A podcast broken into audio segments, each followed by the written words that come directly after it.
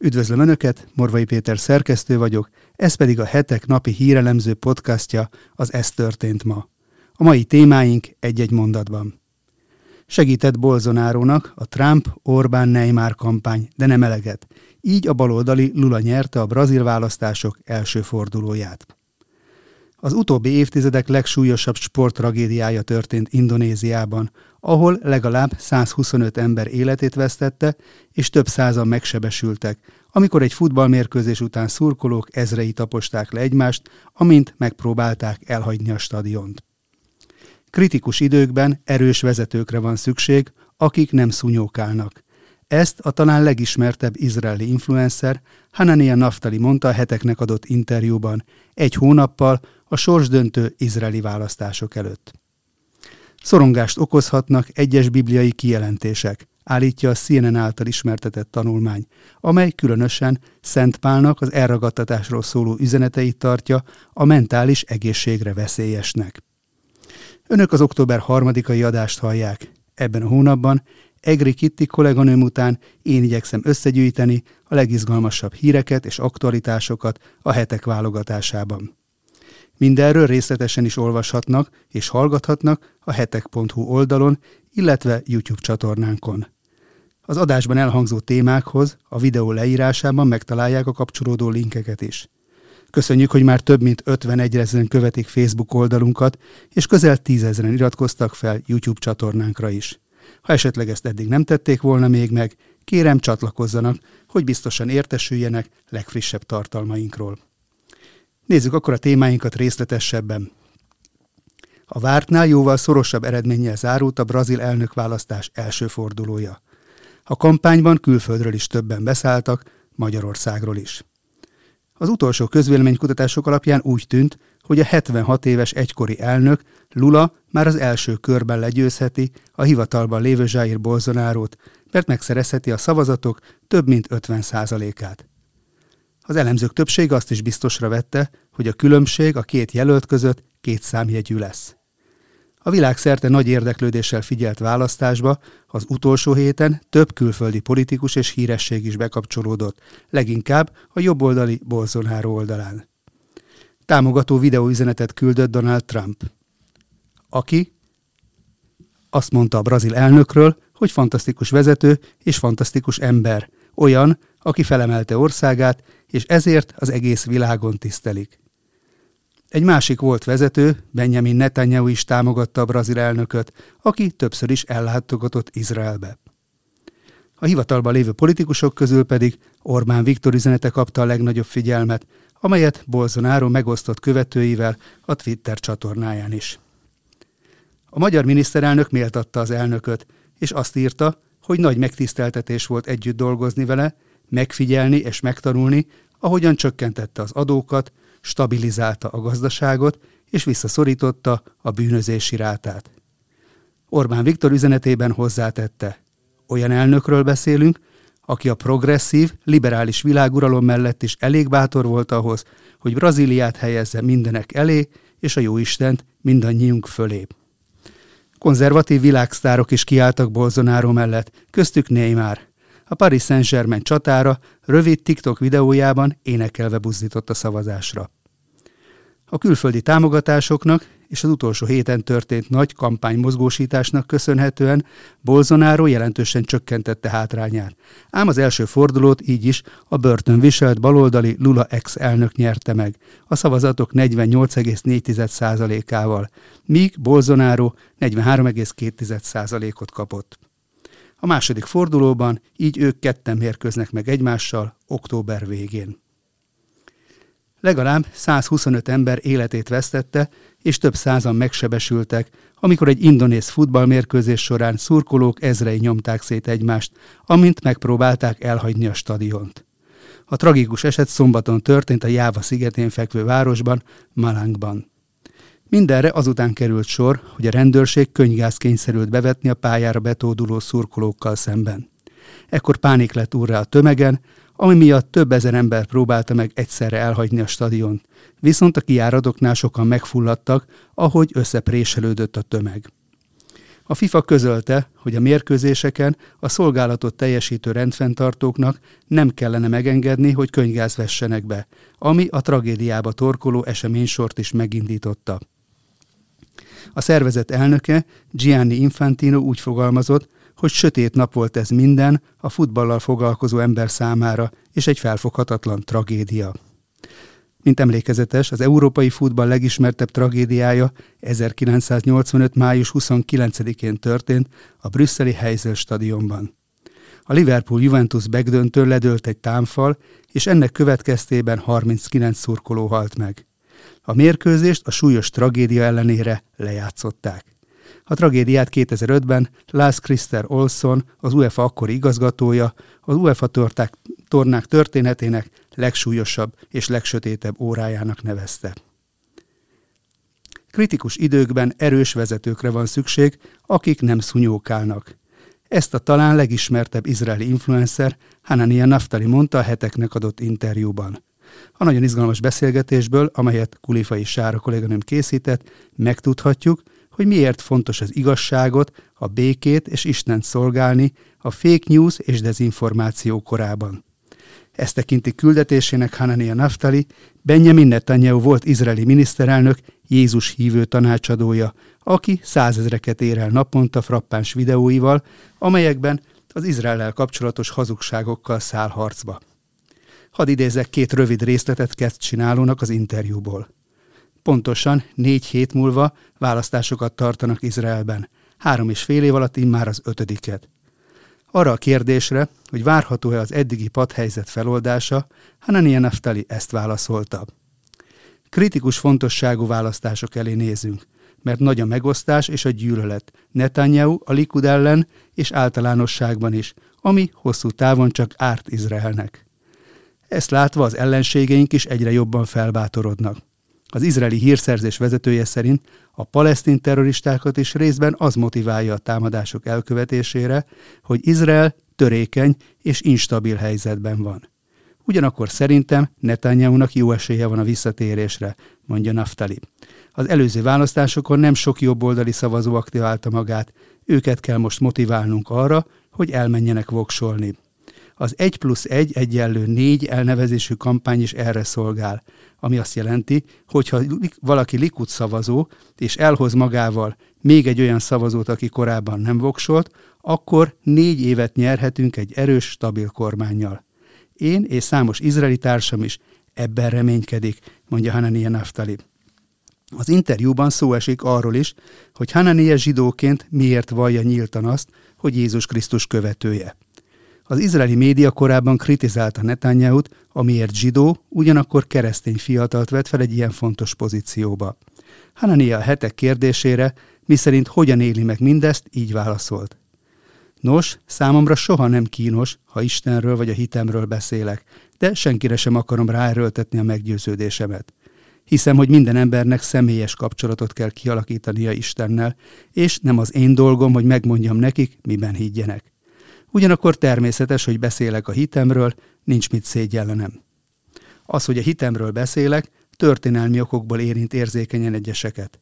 A keresztesek halálbüntetéssel fenyegettek mindenkit, aki nem volt hajlandó keresztény hitre térni. A keresztények és zsidók közötti kapcsolat azóta azonban sokat változott. Nem szégyellem, hogy Jézus követése mellett döntöttem, folytatja Hananie. De miért is kellene egy olyan világban, ahol a liberalizmus és pluralizmus hívei vagyunk, ezt szégyelni?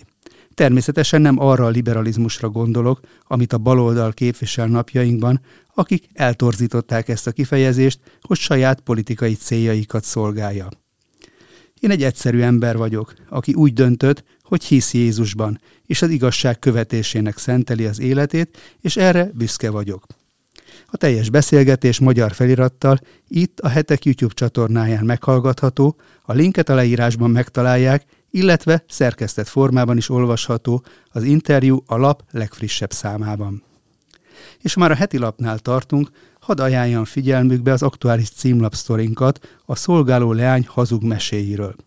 Kulifai Máté és Sebestén István cikke azt az alattomos hangulatkeltést járja körül, aminek következtében ma már 10 milliók rettegnek attól, hogyha egyszer az úgynevezett keresztény fundamentalisták hatalomra kerülnek, akkor az a nők brutális elnyomásának a kezdetét jelenti majd. Lásd az abortusz korlátozó, embertelen rendeleteket. A hazug módon gerjesztett félelem és gyűlölet a Szolgálólány meséje című regényhez és az ötödik évadához érkező televíziós sorozathoz köthető. Szinte nincsen olyan abortusz tüntetés a világon, ahol fel ne tűnne a sorozatból ismert vörös köppeny és fehér kalap kosztümje, mint az elnyomott nők jelképe. A keresztényellenes kultúrhullám a streaming szolgáltatók jóvoltából hazánkat is elérte. A kanadai írónő hangsúlyozta, hogy az 1985-ben megjelent disztópikus regénye nem sci a szónak abban az értelmében, hogy valamiféle tudományos újításra, fejlődésre építene, hanem sokkal inkább egy spekulatív fikció, azaz arra számít, hogy valamikor a jövőben ez a forgatókönyv akár be is következhet. Sokat persze nem kellett magyarázni a művét az olvasóknak, akik maguktól is elkezdték azonosítani a regény sorait napjaink konzervatív döntéshozóival, bíróival, politikusaival és természetesen egyházi vezetőivel, illetve mezei hívőkkel. A könyv népszerűségének bő 30 évvel később az adott újabb löketet, hogy azt 2017-ben televíziós sorozat formájában is feldolgozták. Az Egyesült Államokban ebben az évben Atwood könyve lett a legolvasottabb regény. Az HBO-n futó a szolgálólány meséjét azóta is milliók követik, a napokban jelent meg a sorozat ötödik évada. Atwood mindig igyekszik nyomatékosítani a meséjével kapcsolatban, hogy azokban csak és kizárólag olyan események szerepelnek, amelyek megtörténtek már a történelem során. A teljesség igénye nélkül felsorolva hivatkozik az írónő a Ceausescu féle termékenységi programokra, a hitleri Németország árja fajnemesítésére és Himmler embertelen, embertenyésztési kísérleteire, vagy éppen a nők rabszolgasorban tartására Szaúd-Arábiában. A hetek címlapsztoria nem csak ezt a hazug gyűlölet propagandát világítja át, hanem a tényekkel is szembesít. Nevezetesen azzal, hogy hiába hangoztatják sokan, miszerint a keresztények a magzat gyermekek melletti kiállásukkal lényegében elnyomják a nőket, valójában a női egyenjogúság szempontjából a világ hihetetlen sok mindent éppen a kereszténységnek köszönhet. Nincs férfi sem nő, mert ti minnyájan egyek vagytok Jézus Krisztusban. Talán Pálapostól szavai foglalják össze a legtömörebben, hogy Jézus, az apostolok, illetve a korai kereszténység tanításai és gyakorlata hogyan szabadította fel a nőket a pogány kultúrákban megélt elnyomás alól. Nem véletlenül állapítja meg Ders Belson történész. A római világ keresztényé válása hatalmas változást hozott a nők helyzetében. Ma már valószínűtlennek hat, de az ókori görögöknél és rómaiaknál a nők rendkívül alul értékelt tagjai voltak a társadalomnak. Ahogy Elvin J. Smith, szociológia professzor kiválóan összefoglalja a hetek kiadásában megjelent könyvében, Aténban a leány újszülötteket egyszerűen semmibe vették, a lányokat nem tanítatták, a feleségeknek pedig lényegében semmire sem volt szabadságuk. Nem hagyhatták el például az otthonukat megbízható férfi kísérő nélkül, ha a férj férfi vendégeket fogadott otthonában, akkor az asszony nem érintkezhetett velük, és egyik legfőbb erényük a hallgatás volt. Még a hetérák is, vagyis a férfiak által tartott szeretők, ők is nagyobb szabadsággal bírtak. Elkísérhették ők a nős férfit az otthonán kívüli eseményekre például. A Hogyan változtatta meg a kereszténység a világot című könyvből az is kiderül, hogy a nők helyzete Rómában sem volt jobb. Nem volt ismeretlen a lány újszülöttek meggyilkolása, és a törvény szerint a családfőnek abszolút tekintélye volt a családtagok felett. Feleségét és annak minden tulajdonát saját birtokának tekinthette, lányait pedig önkényesen férhez adhatta, sőt, el is adhatta akár. Elvitathatatlan, hogy a férfi-női egyenjogúság, a partnerségre alapuló monogám házasság, a lányok oktatása, a leánygyermekek kiházasításának tilalma, és a sort hosszan lehetne folytatni, egyértelműen keresztény vívmány a nyugati civilizáción belül. És témánk szempontjából az sem mellékes, hogy a Krisztus szabadságát megizlelő nők tömegei életpártiak voltak. Ők elutasították a magzatelhajtás és a gyermekgyilkosság pogány szokását. További fontos és elgondolkoztató érvek a hetek aktuális számában olvashatók. Akiket pedig mélyebben is érdekel a téma, Elvin Smith könyvét megrendelhetik kiadónk honlapján, a linkek ezúttal is a leírásban találhatók. Ehhez a témához kapcsolódó aktuális hír az is, hogy a CNN élesen nekiment az elragadtatásról szóló keresztény tanításnak, mert az úgymond egyeseknél szorongást okozhat. Némely szakértő ezt az alapvető bibliai kijelentést a vallási traumák egy fajtájaként tartja számon. A CNN tudósításának a címe már önmagában is hangulatkeltő, így szól. Egyes keresztények számára az elragadtatási szorongásból való gyógyulás egy életen át tarthat. A cikkben krónikus problémaként tárgyalják ki Jézus Krisztus közelgő visszatéréséről szóló tanítást. A közétett írásban leszögezik, hogy ezt a tanítást némely hittel foglalkozó szakértő, illetve mentálhigiénés szakember a vallási traumák egy fajtájaként tartja számon. A CNN két olyan nő történetét is bemutatja, akiknek az úgynevezett elragadtatási szorongással kellett megküzdeniük. Egyikük, April A. Joy, aki felidézte, hogy 13 éves tinilányként attól félt, hogy lemarad a végidőkről szóló proféciákban szereplő eseményről, az elragadtatásról. A CNN úgy írja le ezt az eseményt, hogy ennek során az igaz keresztények felszállnak a mennybe, míg a hátra hagyottak szenvednek.